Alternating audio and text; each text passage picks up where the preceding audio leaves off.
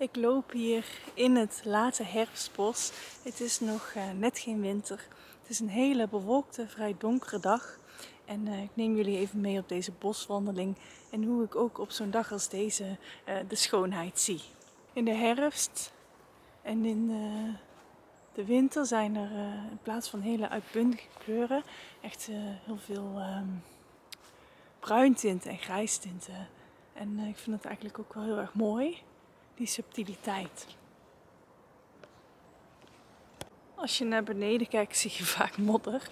Maar als je naar boven kijkt, dan zie je het lijnenspel van die bomen zo mooi uitkomen. Het lijkt wel een pentekening. Al die kleine takken. En nu ook de herfstblaadjes die nog aan de bomen zitten. Net een kunstwerk.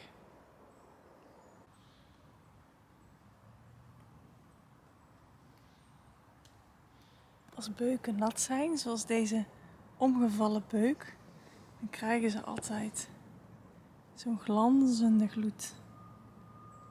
Als we dan in een bos staan, dan lijkt het wel eens van die grote, donkere reuzen. Als ik hier in de lente loop, dan is dit stuk van het bos helemaal bezaaid met uh, bosanemonen, van die witte bloemetjes.